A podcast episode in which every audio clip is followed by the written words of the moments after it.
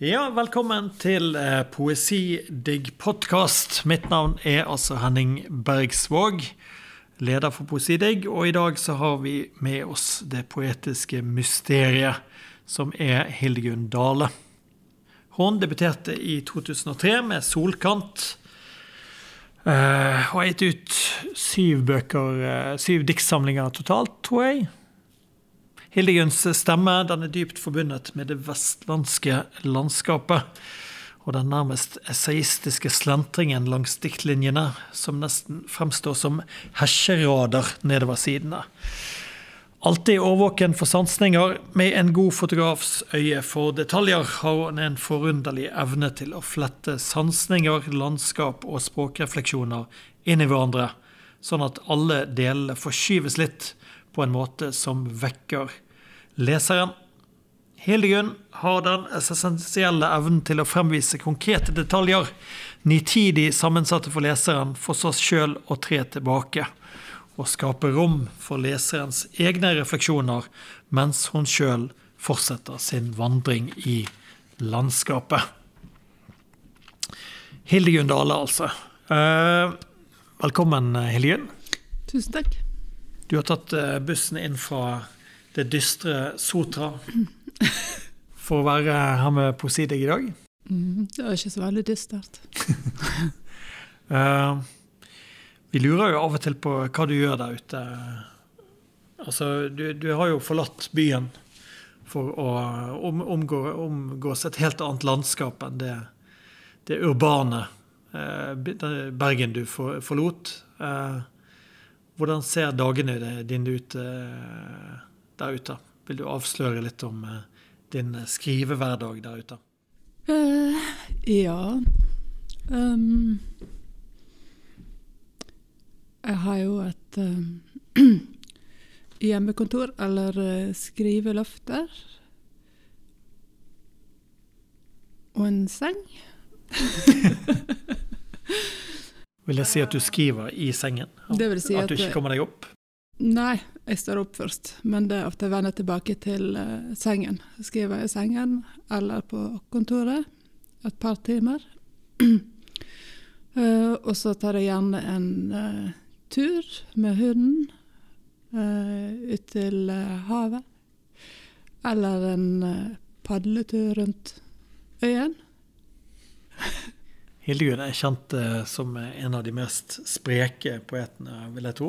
Med, med kajakk og fjellklatring som, som sin hverdag. Ja, jeg, jeg, vet ikke om jeg er så spesielt sprek, men, men denne her ja, padlingen og uh, turgåingen, den er egentlig veldig nært koblet opp til skrivingene. Uh, får ofte nye ideer eller bilder når jeg går eller padler. Ja, for det, for det, det du skriver føles veldig annerledes ut enn mye annet man leser.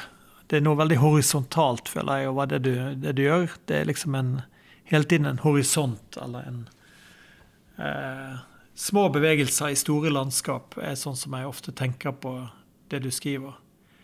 Men sånn har det egentlig alltid vært, helt fra begynnelsen, har ikke det? Uh, altså jeg har jo alltid vært opptatt av uh, denne her um, vandringen. Og jeg skal jo hovedfag i litteratur om vandring og skrift. Og det, jeg tror kanskje spesielt det er på en måte ja. Jeg tror kanskje at jeg rett og slett skriver uh, de, de, landskapene jeg beveger meg over. Da. Det er på en måte sånn jeg får inspirasjon, rett og slett. Uh, både setninger og bilder som, som uh, liksom faller ned i hodet når jeg beveger meg over et landskap. Mm. Uh, for vi skal i denne samtalen gå litt tilbake i tid. Vi skal ta et lite dypdykk tilbake i ditt forfatterskap, som da starta i 2003. Eller det starta vel kanskje egentlig før, gjør ikke det? Altså, du, du gikk på Skrivekunstakademiet ganske mange år før det. Jeg føler at du var en aktiv kraft i bergenske undergrunnen i veldig mange år før du debuterte. Vil du, vil du fortelle litt om denne tiden? Og, og, denne inngangen din inn i skrive, i din poetiske levebane? Ja. Eh, jeg gikk på Skrivekunstakademi i 96-97, tror jeg. Sammen med med annet Marte Huke og um, Ero Karlsen, Ola Halvorsen, som um, som siden ble med i en skrivegruppe uh, i salongen oppe hos deg. ja. Um, Mm. Og når jeg gikk på Skrivekunstakademiet, så tenkte Eller, ja. Jeg, debuterte med en, en eh, novelle i, i vinduet. Um, og jeg lagde egentlig et manus som jeg mente var ganske ferdig. Som jeg sendte til alle forlagene jeg kunne finne. Mm. Og det var vel en slags uh, kortprose, eller prosadikt. Uh, men det fikk jeg ikke antatt. Og så klarte jeg ikke helt å forandre på det, så jeg måtte liksom begynne litt på nytt igjen, rett og slett. Ja, for det er der flere av de rundt deg da debuterte, så ventet du Du kom litt etter, til tross for at du eh, Jeg var jo også med i samme, det samme miljøet, og, og vi følte på at du var den beste av oss. Eller vi, i den antologien vi ga ut, så var det Hildegunn som var, liksom var, var den som kunne skrive. Men, men allikevel så, så gikk det noen år før du kom inn, da. Ja, jeg, jeg, vet ikke helt eh, Jeg har jo lest den her eh, antologien akkurat nå, jeg syns egentlig at eh, at alle holder et veldig høyt nivå. da. Det, det er veldig, veldig og, og, jeg syns ikke at mitt er det beste, men det er veldig mye gode tekster her. Vi snakker da om Trøst, en antologi fra 1999 som kom ut av dette kollektivet. Med, Forutover for utover de som var allerede nevnt, også Thomas Espedal og Dag Høgstvedt, Bjørn Tomren eh, og Marte Huke. Eh, men det var jo det, Jeg vil jo si at, eh, at den stemmen du finner der, den, den er på en måte eh, i det kollektivet. Altså Vi kommer jo inn fra forskjellige vinkler, men det, men det virker jo som at når man leser det i ettertid, så ligner jo det på mange måter. Spesielt mine ting, tenker du, eller det hele? Eh, Jeg vil jo kanskje si dine, Marte sine ting, mine ting. Altså at at det er noe med landskapet. Det er noe med tanken i landskapet. Det er noe med, med uh, det prosaiske. Det er nesten uh, At det er noe å fortelle. Kortprosaisk uh, i det. da. Var det, var, det noe, var det en form du fant frem til allerede på Skrivekunstakademiet? Ja, eller sant, Jeg hadde egentlig veldig lenge hatt uh, en idé om at jeg ville skrive prosadikt. Uh, siden jeg Egentlig helt siden uh, gymnaset. Um, fordi jeg tror det jeg forbandt med sånn øyeblikkskildringer. Så leste jeg jo den her Charles Baudelaire hadde jo en uh, samling som het uh, prosadikt, og det var vel der jeg ble oppdaget at det egentlig var en form, da. Så men på den tiden så var det jo òg Det var jo veldig mange som skrev kortprose. Det var jo veldig vanlig. Det var jo på en måte en en Ja. Det er, en fin, det er jo en form som er lett å eksperimentere i, og som også passer veldig godt for skriveskolen. Da, i forhold til eh, Jeg føler det er tekster som er veldig velkomne å snakke om. Mm. Eh, og, og, liksom OK, hvis vi tar vekk den setningen, hva skjer da? Det, det, det er veldig sånn eh, fine, oversiktlige tekstunivers som er ypperlig for, mm. for tekstsamtaler og kollektivet. Ja. Men, uh, men, men, kanskje det var litt av det som var problemet, da, at det tok så lang tid uh, å, å, komme til denne første boken. At de, uh, disse her uh, kortprosastykkene Det gikk liksom ikke Det går ikke an at jeg var så flytte rundt på, på setninger på samme måte som en gjør i diktet. så hvis man først har skrevet et prosadikt som Ja, det, det er veldig fast, fastlåst når, når det er skrevet der. Ja. Så det, det var sannsynligvis derfor jeg måtte legge vekk eh, alt. Mm. Fordi at jeg ikke kunne forandre på det. Ja. På samme måte. Og, og i den trøstgruppen uh, Jeg tror liksom Noe av det jeg lærte der, da, det var jo at uh, Det var jo å skrive dikt. Mm. Det gjorde jeg jo ikke på Skrivekunstakademiet. Mm. Ja. Eh, jeg lurer på om vi skal få lov til å høre, for da debuterer du da i 2003 med 'Solkant', og så følger du opp med 'Elvedrømmer' nesten umiddelbart eh, året etterpå. Så det kommer, du kommer liksom, når du først kommer inn, så kommer du med to på rappen. Eh, og jeg tenker at vi kanskje skal få høre litt fra den tidlige delen av forfatterskapet ditt. Eh, og kanskje også fra Si, Say og Si, som NC, som kommer da i 2006. Så det er en, en veldig sterk, sterk trio som kommer da. Ja, det er, det er jo en slags uh, Det er jo en slags triologi, holdt jeg på å si. Det er jo nesten like disse her tre bøkene. Mm. Og, og de ble liksom skrevet ja, i en slags følelse av å ha det litt travelt, da. Mm. Uh, at jeg på en måte måtte gjøre det mens jeg kunne. Hva var det som hastet? Jeg tror det var bare å si det hadde gått så lang tid før jeg debuterte, og så hadde jeg på en måte endelig funnet en form. Mm. Uh, og, og det skjer jo òg at etter han der sier seg han sier det, så er jeg på en måte ferdig med den uh, Ja. Den må, måten å skrive på inntil videre. Ja. Mm. Ja, nettopp, nettopp. Skal vi da få høre litt fra åpningssamlingen og de påfølgende? Her er solkanter. Tung og våt, nesten helt dekt av ripsgreiner, står kirkeklokka i et hjørne av hagen. Ei ung jente kommer ut, setter seg på muren med søvnige øyne, ei glipe av mørkeblått, eller to rovfugler, brått begynner de å synje. Jeg går mot synsranda. På begge sider av vegen står stivt gras opp i lufta. Jeg går over haugen, skuggen min tek asfalten sin struktur. Graset har slutta å lukte, store blå skilt er plassert overalt og merka med M. Jeg går mot sola, bør hovedet inn mellom knausane.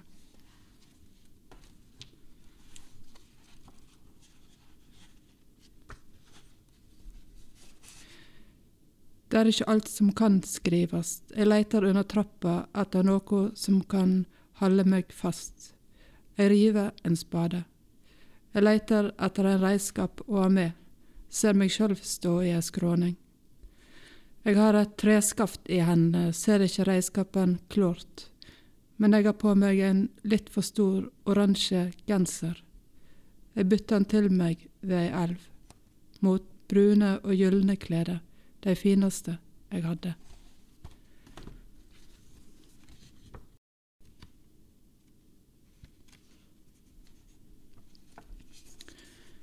Det er mennesket som lyser, baksida av alle ting. Språkets indre logikk. Skuggen av det tenkte. Lys flakker, og de brøt fram disse rommene. Tusen takk. Der, der hørte vi til slutt fra Si, Say and See, eh, som har undertittel 'En historie'. Vil du fortelle litt om hvordan du kom frem til den rare tittelen? Hvordan, hvordan kaller man en diktsamling 'See, Say and See'? Ja, eh, nei, jeg drømte den, eh, rett og slett. Eh, jeg tror det var litt som et sånt eh, Jeg drømte at eh, jeg sto ved en eh, sånn grønn fjellside med en sekk på. Skulle opp av et fjell. Og det var litt som et platecover, og så sto det liksom 'Si, seieren si' på. Ja. ja. Det var det. Og da bare tok jeg den, det. Selv om og, og jeg hadde egentlig ikke Jeg kunne ikke huske å ha hørt det noen steder, og jeg søkte òg på nettet da, utenom å finne den kombinasjonen noen steder. Men um, jeg husker det var en anmeldelse der det ble kalt et forslitt ordspill. Ja, ja nei, eh, sånn kan det ofte være. Eh, men eh, jeg føler det at den, du kommer inn med en, en dypere tenkning, eller det, altså Du har jo alltid veldig fint observerende dikt, men jeg føler det, det kommer inn en tenkning som er større i denne siste boken. Si, say and. Mm. Så det, det, det, det er noe med eh, språkfilosofi og på en måte altså det, det, er noe, det er et nytt element som kommer inn. da. Du begynner å tenke i, i eh, diktningen din. Ja.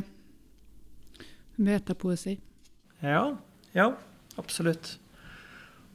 Men det, men det har forfulgt deg, føler jeg, eh, siden. Den, den måten å, å, å, å reflektere om språket i, i skrivingen din. Jeg tror det, det har nok noe med selve skriveprosessen å gjøre. Jeg er på en måte Jeg liker jo veldig godt å, å, å finne ut av disse diktene og være på en måte i den prosessen, da. Uh, og, så det fører jo til at jeg Jeg tenker eh, rundt òg, jeg har jo veldig lyst til å skrive det jeg tenker hele tiden, da. Uh, så må jeg jo liksom prøve å begrense det litt. Ja. Uh, nei, det, det tar oss tilbake til selve skriveprosessen. Altså, har du med notat altså Når du sitter og tenker i kajakken din, da, altså er det, har du, eh, får du notert eh, etter hvert? Nei, nei altså, akkurat denne kajakkpadlingen, den er jo litt uh, For jeg er litt sånn at uh, når det på en måte kommer en sånn Når det kommer bare en setning i da, så er det på en måte litt viktig å huske akkurat ordlyden på den setningen. ja. Uh, for ellers så kan jeg liksom ikke bruke den, Mm. hvis jeg har glemt akkurat Har du metoder for å huske, huske at eller måtte du liksom padle til, padle til land med Nei, Enten så gjentar jeg jo hodet hele tiden hvis det er spesielt bra. Mens jeg padler.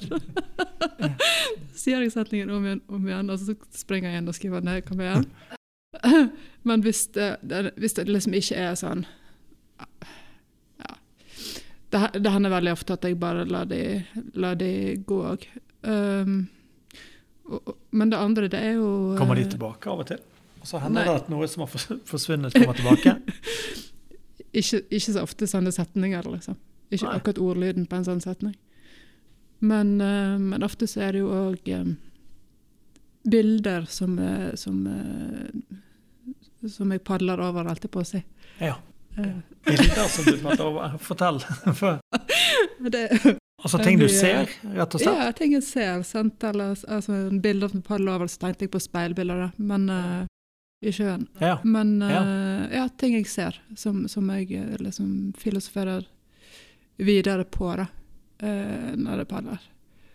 Og, og, så det er jo lettere å huske. Men her må jo denne skrive, skriveboken være, være ganske overfylt etter hvert. Eller det, du, du på en måte samler opp der. Det er sånn det begynner.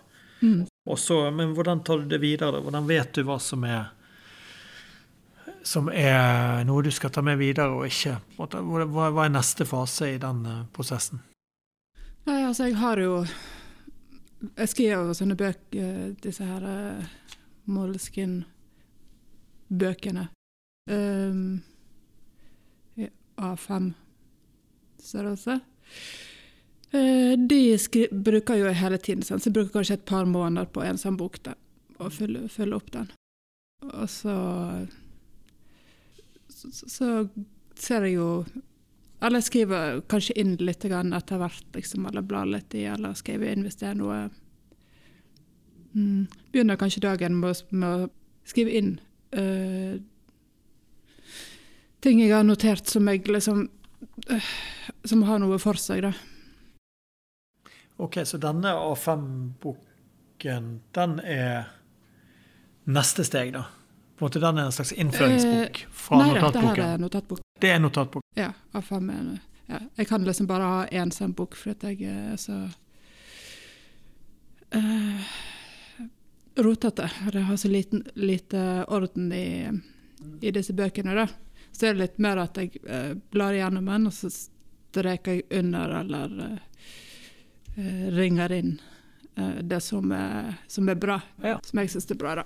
Og så krysser jeg vekk det andre. Ja. Hender det av og til at du skriver eh, rett inn på en skjerm? Ja. At, Mm. kommer det da nye tanker, eller må det være eldre ting du allerede har på en måte skrevet ned et annet sted?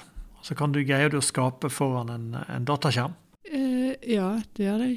Um, som regel så noterer jeg et eller annet først. Eh, og så åpner jeg skjermen, og så begynner jeg å skrive. Men da kan jeg jo skrive ting som jeg ikke har notert, liksom. Når jeg først kapper meg inn på skjermer. Ja. Men det er jo liksom greit å ha et eller annet uh, som gjør at det er motiverende å åpne skjermen. Ja, det er sant. Et, hvitt- Word-dokument er veldig skummelt. Ja. Ja. Det, var, det er altså de tre første, første bøkene der. Men, men eh, vi skal jo så, så er du innom litt. Du skriver en barnebok. Du skriver en uh, liten ting for H-press. eh, eller var det H hva, hva- Hvilket forlag var det som hadde eh, ja, det var Håpes. Det var den eh, Jan H. Svern sin Ja. serie. Men, men egentlig går det ganske langt før du kommer med en ny sånn hovedbok. Uh, og det, da er vi i 2011. Eh, du kommer med, med 'Armene mine handlinger'. Og der er det jo et par nye ting eh, som skjer. Eh, tenkningen vil du i aller høyeste grad si fortsetter. Eh, men, men også fotografiet dukker opp. Altså du, du det, Vi snakker ikke lenger om en vanlig diktbok. Vi, vi, sidene er fylt opp med, med ulike fotografier fra, fra helt spesifikke Mm. ting i landskapet der. Det er vel et, et nedlagt bølgekraftverk som er sentralt her. Vil du fortelle om dette bølgekraftverket som eh, anmeldere har En anmelder kalte noe av det fineste han hadde lest i, i norsk litteratur. Altså den delen om Bølgekraftverket. OK. Um, ja. Det Bølgekraftverket det ligger eh, ikke så langt fra der jeg bor, så jeg kan gå dit. Jeg har vært der mye. Um, da på 80-tallet så eh, eh, ble det ødelagt av um, en spesielt stor bølge i en sånn høststorm. Eh, og så var det en eh, eksplosjon som, eh, som liksom rev ned den her eh, broen og eh, ødela vel demningen òg. Men så står det noen ting igjen, da. Eh, en sånn um, kilerenne som bølgene liksom kommer inn, eh, inn i eh, hele tiden, men så bare spruter de opp på en måte, da. Så det blir på en måte ikke noe noe kraft. energi. Nei, det blir ikke noe energi av det, da. Men samtidig så føler jeg at det er veldig sånn uh, kraftfull energi på det her stedet, da. Veldig mye tagging og sånn òg der ute. Um, En samtidsruin. ja, det er en samtids, samtidsruin. Mm. Mye folk som går der ute på eget ansvar. Ja. Kommer for å se på, på plassen, der. Ja. Jeg bare elsker eh, ordet bølgekraftverk. Det, det er liksom Jeg tenker på havet som en sånn svær poetisk metafor. Da. Og så kommer det liksom et kraftverk som omgjør, omgjør havet til eh, poesi gjennom disse bølgene på en eller annen måte. Da. Ja. Det, det går an å fantasere litt, iallfall. Ja. Uh, vi har jo egentlig tenkt å høre litt fra den, så kanskje eh, lytterne skal få høre et lite eh, klipp derfra. Jeg kan lese en tekst. Sett ovenfra på et flyfoto kan øya minne om ei lunge bundet til fastlandet med en liten vegg. For de gamle som tørka fisk over svaberga før bølgekraftsatsinga, er øya nå et opesår som før eller siden vil gro. Det er tørt her, vindutsatt, ingen forsøk på å rydde opp. Jeg setter en X over kartet og markerer staden som ukjent. røde firkanter for hus å gå inn i. Når jeg går over området, er det som å dykke ned og finne meg gående over de blankskura berga i sinnsoverflate. Plukke opp rester av språk, etter ei ulykke som når som helst kan ramme oss alle. Mm. Det er nesten, Man får nesten en litt sånn postapokalyptisk eh, feeling på det. Ja, det er på en måte Det er litt sånn sånn det er der òg. Nå skrev jeg jo om er uh, kartet. Men det er på en måte Det er ganske sånn nedtegget. Det er mye uh, ungdommer som har vært der ute og mm. hengt. Ja. ja det, og jeg vet jo også at denne boken har blitt tolket inn i nettopp en sånn krise Økologisk kriselesning, da. Ja. Ja, sant. Det, det, har noe med det å gjøre òg, på en måte. Det er noe med eh, naturen som på en måte tar eh, Det tar innersvingen på teknologien, på et vis. Mm. Altså, det her stedet, det er på en måte det er på en måte ikke til for oss lenger, det er liksom til for seg sjøl. Man kan bli litt glad av å, av å være der bare på grunn av det. Mm. En sånn opplevelse av at uh, At det gikk, ikke, det gikk liksom ikke å temme, temme havet likevel. mm. Ja, Det er en bemerkelsesverdig bok. Eh, du tok også inn fotografiene der. Hvorfor gjorde du det, eller hva, hva var hva var tanken bak det, eller? Jeg begynte jo med disse her fotografiene i 'Fjelløygarden', ja. den lille boken. For da fikk jeg på en måte gjøre hva jeg ville, og så har jeg akkurat kjøpt speilreflekskamera. Og så holdt jeg på å lære meg å ta bilder, da. Så det brukte jeg den boken til, på en måte å finne ut av kamera altså, De fotografiene var på en måte litt en sånn dokumentasjon i armene mine av handlinger. Og ofte så skrev jeg eh, tekster ut fra fotografiene. Mm. Sånn, at det begynte med at jeg mm. bare tok mye bilder der.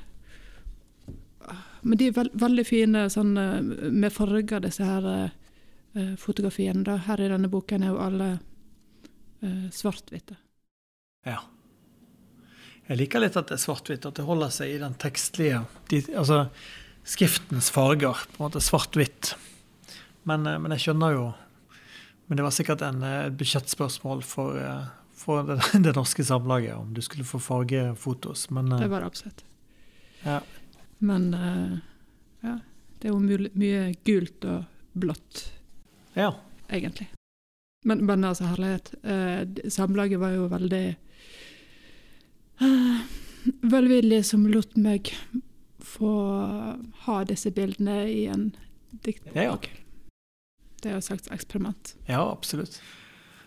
Uh, jeg jeg syns uh, den, denne boka altså, den, jeg, jeg, er veldig, veldig glad i, i, de, i dine bøker. og og når jeg så satt i helgen nede i Sveio og leste hele forfatterskapet i sin helhet, så er det nettopp den tenkningen som, som slår meg. Men det, for meg virker det nesten som at du tenker i teksten Det er jo greit, men, men av og til så føles det som at teksten bruker skriften som et redskap for sjøl å tenke, på en måte. Det, det, det er veldig rart, da. Men, det, men, at det på en eller annen måte foregår en, en, dynamikk der. Som egentlig er umulig, da. For selvfølgelig er det du som du som skriver dette. Men, men, men det er men, ja, men altså, det er, det er, ikke, det er ikke så veldig uh, fjernt. Fordi at ofte så er det jo nettopp de setningene jeg snakket om tidligere, da, som detter ned i hodet på meg, liksom. Uh, grunnen til at jeg uh, At jeg er interessert i det, da, eller at jeg vet liksom at en setning er interessant, det er jo fordi at den har et potensial til å tenke ut ifra. Det vil si at jeg uh, skjønner ikke hele setningen sjøl. Mm. Når den kommer, på en måte. At det er noe mer til den, da. Og det må jeg på en måte tenke fram. Så den første setningen er liksom ikke tenkt. Så du skjønner. Mm. Ja, det skjønner jeg absolutt.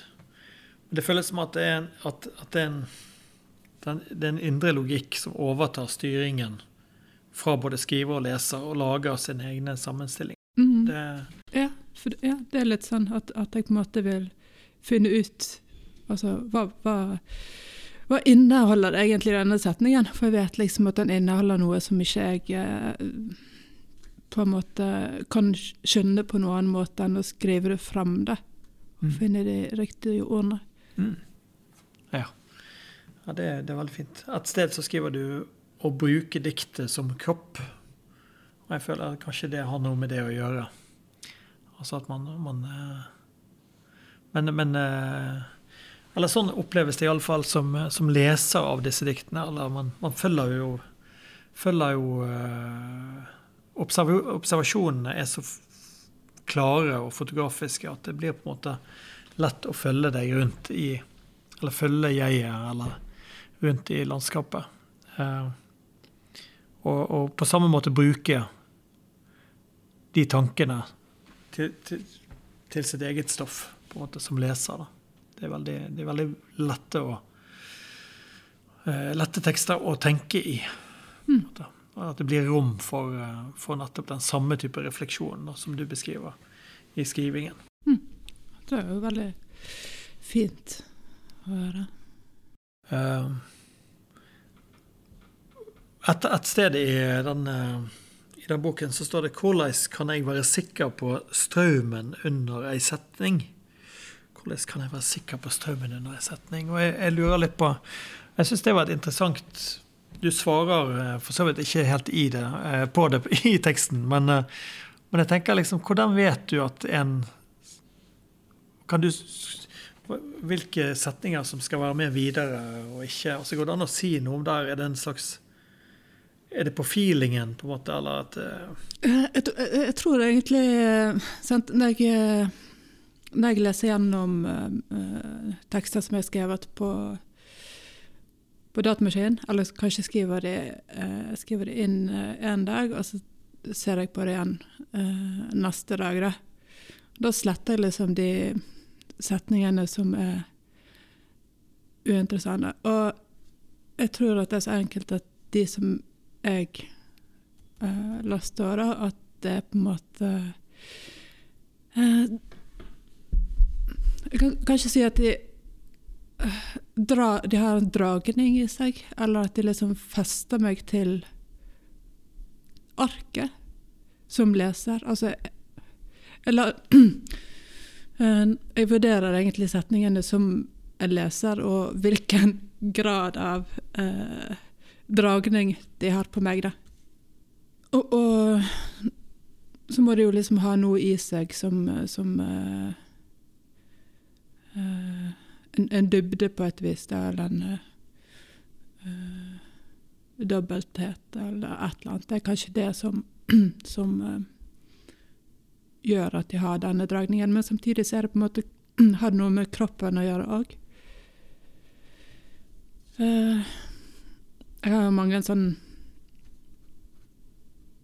altså, så liker jeg liksom å lese eh, romaner og sånn som har på en måte denne eh, dragningen i seg, da, som ikke handler om narrasjon, på en måte, men som bare handler om en, en tyngde i setningene. Og, og da forestiller jeg meg liksom at eh, kroppen til eh, skriveren, da, eller landskapet, eh, på en måte ligger under arket. Og at det på en måte er det som mm. som, som har denne dragningen. Da. Mm. Ja. Det er litt merkelig forklart, men uh, ja, sant, fordi at Man kan jo tenke seg at det på en måte ikke er noen ting under arket, at det bare er et bord under arket. Eller man kan tenke seg at det er en, uh, et landskap under det. Da. Og jeg vil på en måte at det skal være et landskap under det. Og uh, med landskap så kan man jo òg Det kan man òg kalle for, for kroppen, da, som på en måte erfarer dette landskapet. mm. Eh, Ja, altså det er jo på en måte mine ja. Du snakker uh, Du bruker ordet 'setningen' mye. Jeg vet at det gjør jeg også. Uh, setningen på en måte er også veldig viktig for deg i forhold til mange andre forfattere. Er det sånn at en setning kan flyttes over et annet sted, eller er det sånn at den hører hjemme i en setting hele tiden? Eller hvordan jobber du i den siste delen av, av skriveprosessen din, når du, når du skal ferdigstille til, til forlaget? På en måte? Er det sånn at en tanke du har hatt, da, hvis du har sett noe i landskapet, eller sånn, så har det dukket opp en, et syn. på en måte, La oss si det er en trehjulssykkel eller et eller annet, og så, så tenker du rundt den. Men er det sånn at noe derfra kan, kan plutselig få en ny mening et helt annet sted? Altså flytter du rundt på ting, eller? Ja, ja det liker jeg i hvert fall å gjøre. Og, og, flytte rundt på setninger og på en måte gå inn i teksten fra eh, flere eh, vinkler. Da. Og ofte så er det jo på en måte sånn at ett dikt eh, Hvis jeg har et dikt som, som står der, og så er jeg liksom ikke helt fornøyd med det, så kutter jeg bare de linjene jeg ikke er fornøyd med, og så får det bare stå der med sånn tomt rom i seg. Mm. Og så før eller siden så, så dukker de opp, de setningene som skal inn der, i et annet sted av Madhuset, liksom. De som forsvant ut, da, kan de Nei, nei, nei, de, de, de, får, de får ikke noe nytt sted. jeg, tok, okay. jeg tok de vekk fordi de var dårlige. Ja, ok. Ja. Jeg kan av og til oppleve at de som blir tatt vekk, som er, virker veldig dårlige, at et eller annet sted hører de hjemme, liksom. Ja, ja, ja. Jeg Men vet det- det. Jeg òg opplever det av og til, men det er liksom som regel for seint. Ja. jo, men det- delete-tasten føler jeg er vårt viktigste eh, Den viktigste tasten eh, på, på Ja, ta vekk, ta vekk, ta vekk. Um, en siste ting jeg skal spørre om fra det. Altså Du har et uh, Dette med pronomener snakker vi mye om når vi møtes og diskuterer tekst. Du har et ho som dukker opp uh, i disse to siste samlingene. Er det, er det den doblingen av, av eget og hoet eh, ja, altså, du, har, du har enkelte kapittel som utelukkende beskriver ho gjør det, ho Mm. tenker det, hun eh, Er det i uh... det, det, skjer, det skjer allerede i uh, Ja, i armene. Absolutt. Uh,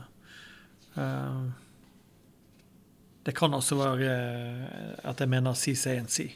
I ja. den, den er bare, bare litt om den doblingen. Eh, hva vinner man på å lage et ho, på en måte? Eller Um, ja, her òg. Ho. Men Av og til er jo det andre folk ja, du ja, henviser her, til. her er det nok uh, andre, i hvert fall. da. Men jeg vet at du har flere kapitler uh, som Ja, hun senker åra. Det er jo tydelig eh, hvis meg Det må som være er ute Hildegunn som senker kaller. åra. Det kan ikke være, kan ikke være så mange andre. Nei, det er nok meg. Så, så går det an å si noe om det? Altså, hva, hva, hva skjer der når man plutselig innfører tredjepersonen? Mm, ja, for her er det han òg. Han og, og hun. Eh, At man flytter blikket vekk fra jeget og, og, og i et eller annet slags observerende punkt. mm. Det er ikke så lett å, å snakke om Nei, de det tingene. ikke, det er ikke så lett. Her er det liksom både du og hun og han.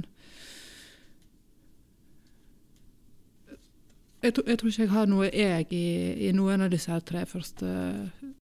Det har du. Har jeg? Ja, det vet jeg. Ok. Ja, det er mange steder. Ja, det, Særlig elvedrømmer er nesten bare jeg. ok. det er lenge siden. Vi, glemmer, vi har glemt alt sammen. Det er så mange år siden. Vi må komme oss litt eh, nærmere nåtiden der, tydeligvis. Ja, ja. Um, eh, du kommer altså med en eh, Det mange vil kalle ditt gjennombrudd. Eller en flere anmeldere skrev, eh, nemlig boken 'En halv dag'. Halv en halv dag. Og den kommer ut i 2015, 15, tror jeg. ja. Eh, og det er jo en veldig, veldig En veldig spesiell eh, bok. Baksidediktet på en halv dag, der står det en setning, og der, der står det 'det er nødvendig'. står det. Og det er, det er akkurat som at det er kommet en nødvendighet inn. Og det er jo en dramatisk foranledning til dette. som ikke er fersk, men den, den ble tatt opp i denne boken. Eh, Jeg vet du har snakket om det i mange ulike sammenhenger rundt den boken. Eh, eh, Mm. En halv dag, det er jo Det er ikke alle som opplever en halv dag. Det, det må nesten ha med døden å gjøre. Uh, og, og Kan du fortelle litt om hvordan denne boken eh, kommer til? Altså dette, dette, dette er din, din fars uh, selvmord, rett og slett, som er, som er foranledningen. Uh, og, og hvordan, hvordan måtte du nærme altså Hvordan har det vært å, å jobbe med den type tungt materiale inn i dine eh, I ditt språk? Hvordan var det at den, dette kom inn og skulle, skulle Ikke nødvendigvis bearbeides, men, men i alle fall omtales? Mm. Nei, altså det var jo syv år um, etter det selvmordet jeg skrev den boken. det. Men allerede den, um, den, uh, den dagen vi uh, Jeg og søsknene mine dro til, um, til det åstedet der selvmordet skjedde, som var en sanggruppe, så uh, opplevde jeg på en måte en veldig sånn der, uh, språklig klarhet på det stedet. da, Eller jeg memorerte på en måte alt som var der, og tok uh, tror jeg liksom noterte ned et eller annet sted òg. men jeg visste på en måte at At det på en måte hadde noe litterært i seg, da, hvis det en eller annen gang ble aktuelt å skrive. Uh, noe fra fra noe om dette her, da. Men uh, uh, jeg, jeg tror først at det ble aktuelt å skrive etter så lang tid fordi at jeg opplevde på en måte en sånn veldig språkløshet knyttet til, til uh, det her med, med dette selvmordet, da. Uh, og, og, at det var et slags tabu uh, å snakke om i samfunnet. Og jeg klarte egentlig ikke skrive noe annet heller. For jeg tenkte at hvis jeg på en måte ikke Jeg måtte på en måte hvis jeg ikke hadde språk til, til, å skrive om dette her, som jeg egentlig hadde lyst til å skrive om, uh, så ble jeg på en måte Ja. Det var liksom ikke aktuelt å skrive om noe annet heller, hvis du skjønner. Det virka litt sånn flatt. Mm. Uh, så Så da måtte jeg prøve å finne det språket, da. Uh, og da endte jeg jo med en slags biografisk diktsamling. Mm. Nå vil jo jeg påstå at du har ikke vært fremmed for biografisk. Altså, du har jo alltid vært i nærheten av din egen biografi, men det, her kommer det en, en hendelse som du må eh, Der du både daterer eh, hendelser 10. mai 2007 Det er på en måte en, en veldig sånn klar Det er tydelig at dette er én person, én skjebne. Uh, ja, men det var jo òg på en måte veldig sånn Ja, når jeg snakket om det på en måte litterære i, i selvmordet, det, hø, det, høres kanskje ikke bra ut, det. Uh, og, og uh, jeg syns det var utrolig vanskelig å, å, på en måte bestemme meg for å skrive om det her. Og jeg, skrev på en måte i ett år uten å fortelle det til noen. Men for første gang i, uh, i denne skrivekarrieren min, da, så uh, måtte jeg på en måte involvere alle mye Altså mange andre. Jeg måtte liksom spørre om det var greit. Mm. Familien og sånn. Uh, så, så, det var jo på en måte en helt annen prosess enn Jeg måtte på en måte ta hensyn. Ja. Så det var på en måte et trangere rom å skrive i enn du er vant til. på en måte. Det var ikke det åpne alt er mulig. det var mer noe som ledet deg her og der. og... Ja. Det var ikke sånn at alt var mulig. Men uh, Mm. Kan vi få høre eh, litt fra en halv dag? Det er en av disse her litterære uh, hendelsene i forhold til det selvmordet. da. Det er at uh, At det siste uh, eh, min far gjorde Eller dagen før han, han døde, da, så satte han i gang med å løpe rundt i hagen og, og trimme disse her greiene på, på plomme- og epletrærne. Så det begynner jeg den uh, samlinga med. Hagen overeksponert, nesten hvit.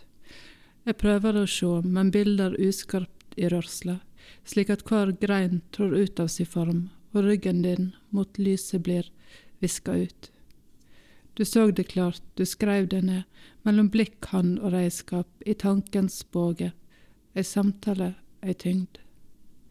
Jeg skriver dine sporord. Hjarta sin gartner er hagen sin far, omsorg til hagen, til oss. Tante sier han likna en fole, sprang med lette steg forbi bringebærbuskene, klipte plenen, kutta greiene på eple- og plommetrea til yngstform. 9. mai, for våren kjem seint til dalen, og du hadde spara dette arbeidet til dagen før du skulle gå bort. Hagen sto igjen etter deg en øyneblink, slik du forlot den, for alt summa seg og begynte å vokse igjen. Hvordan var reaksjonene på dette?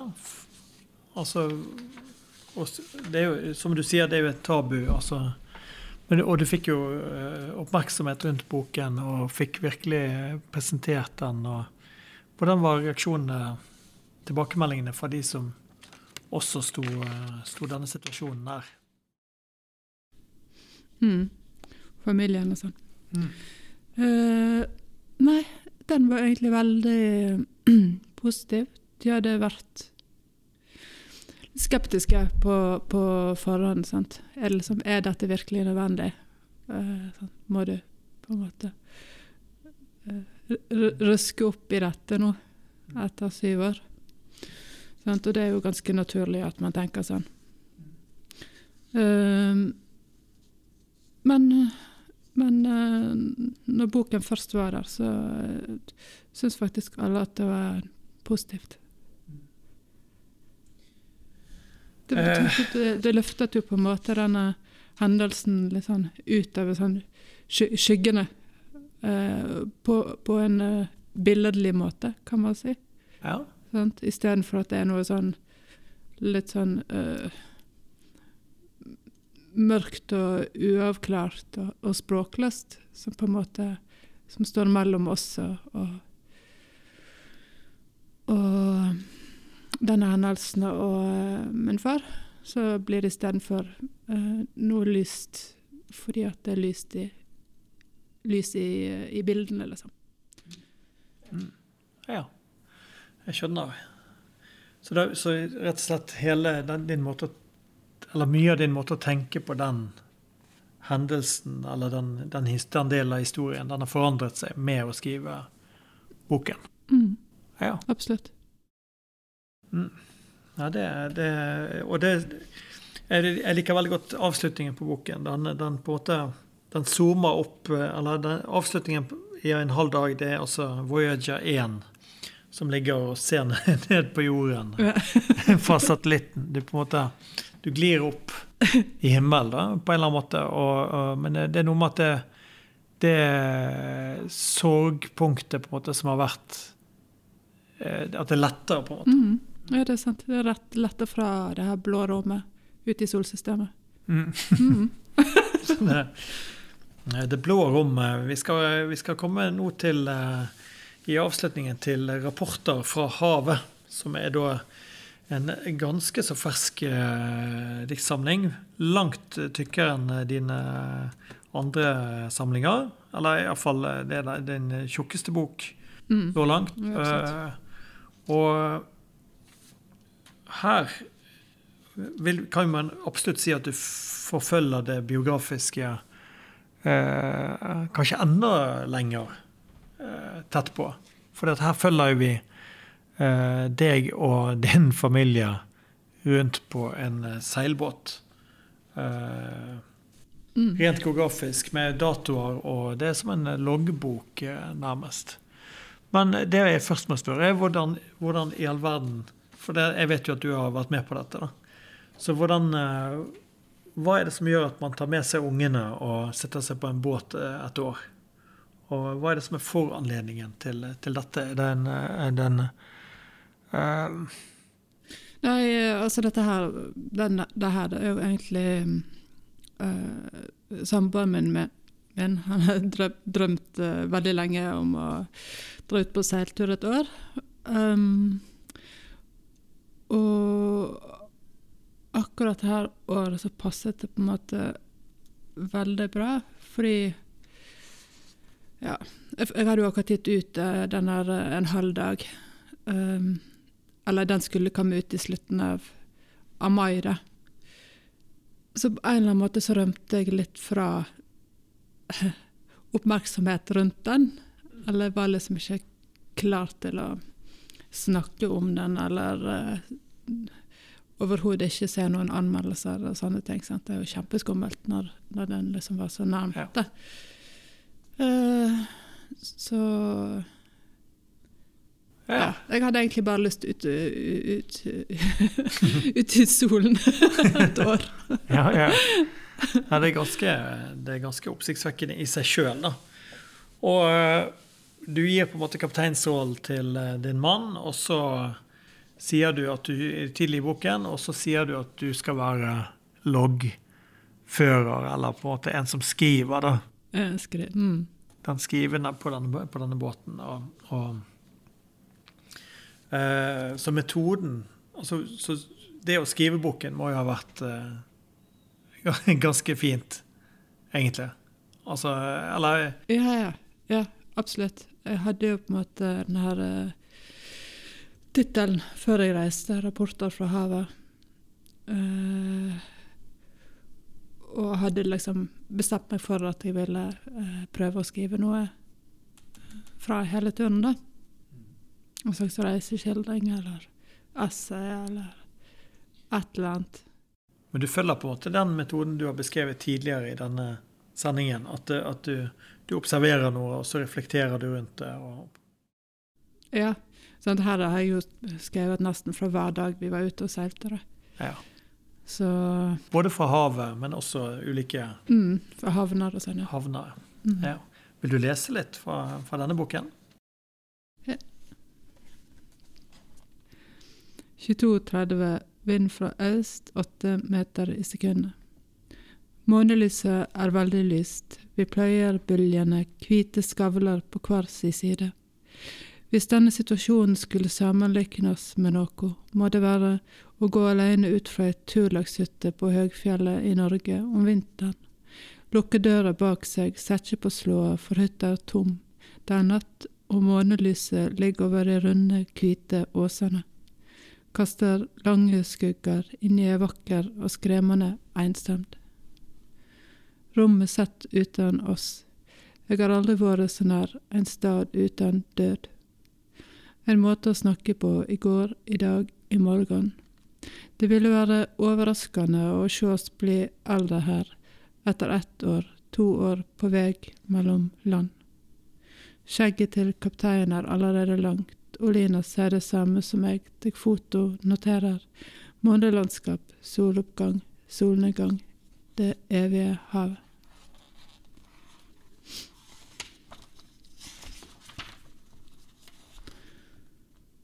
Uh, 1550 vind mellom 5 og 9 meter i sekundet fra nord.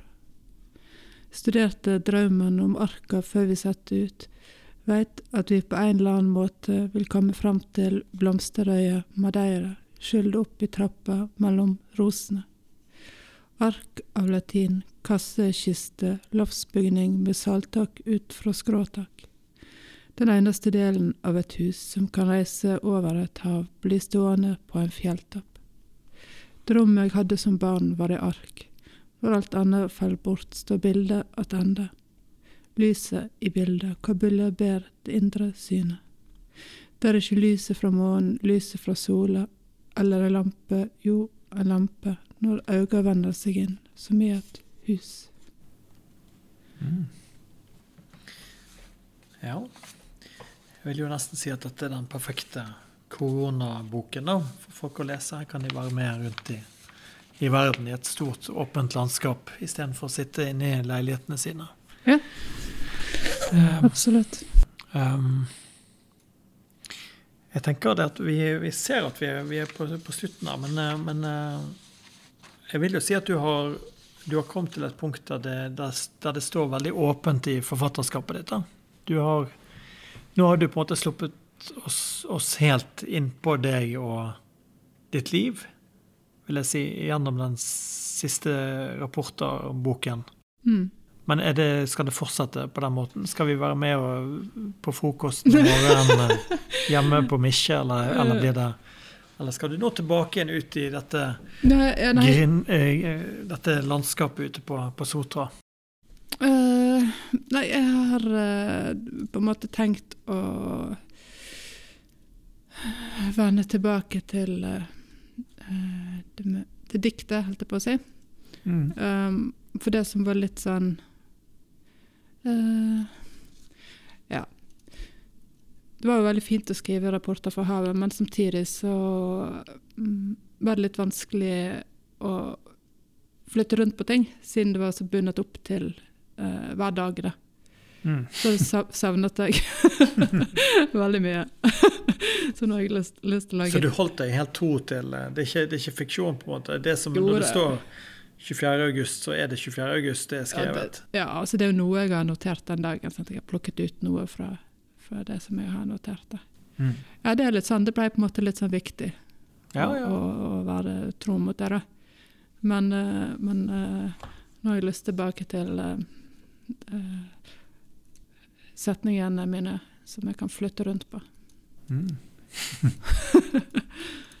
ja.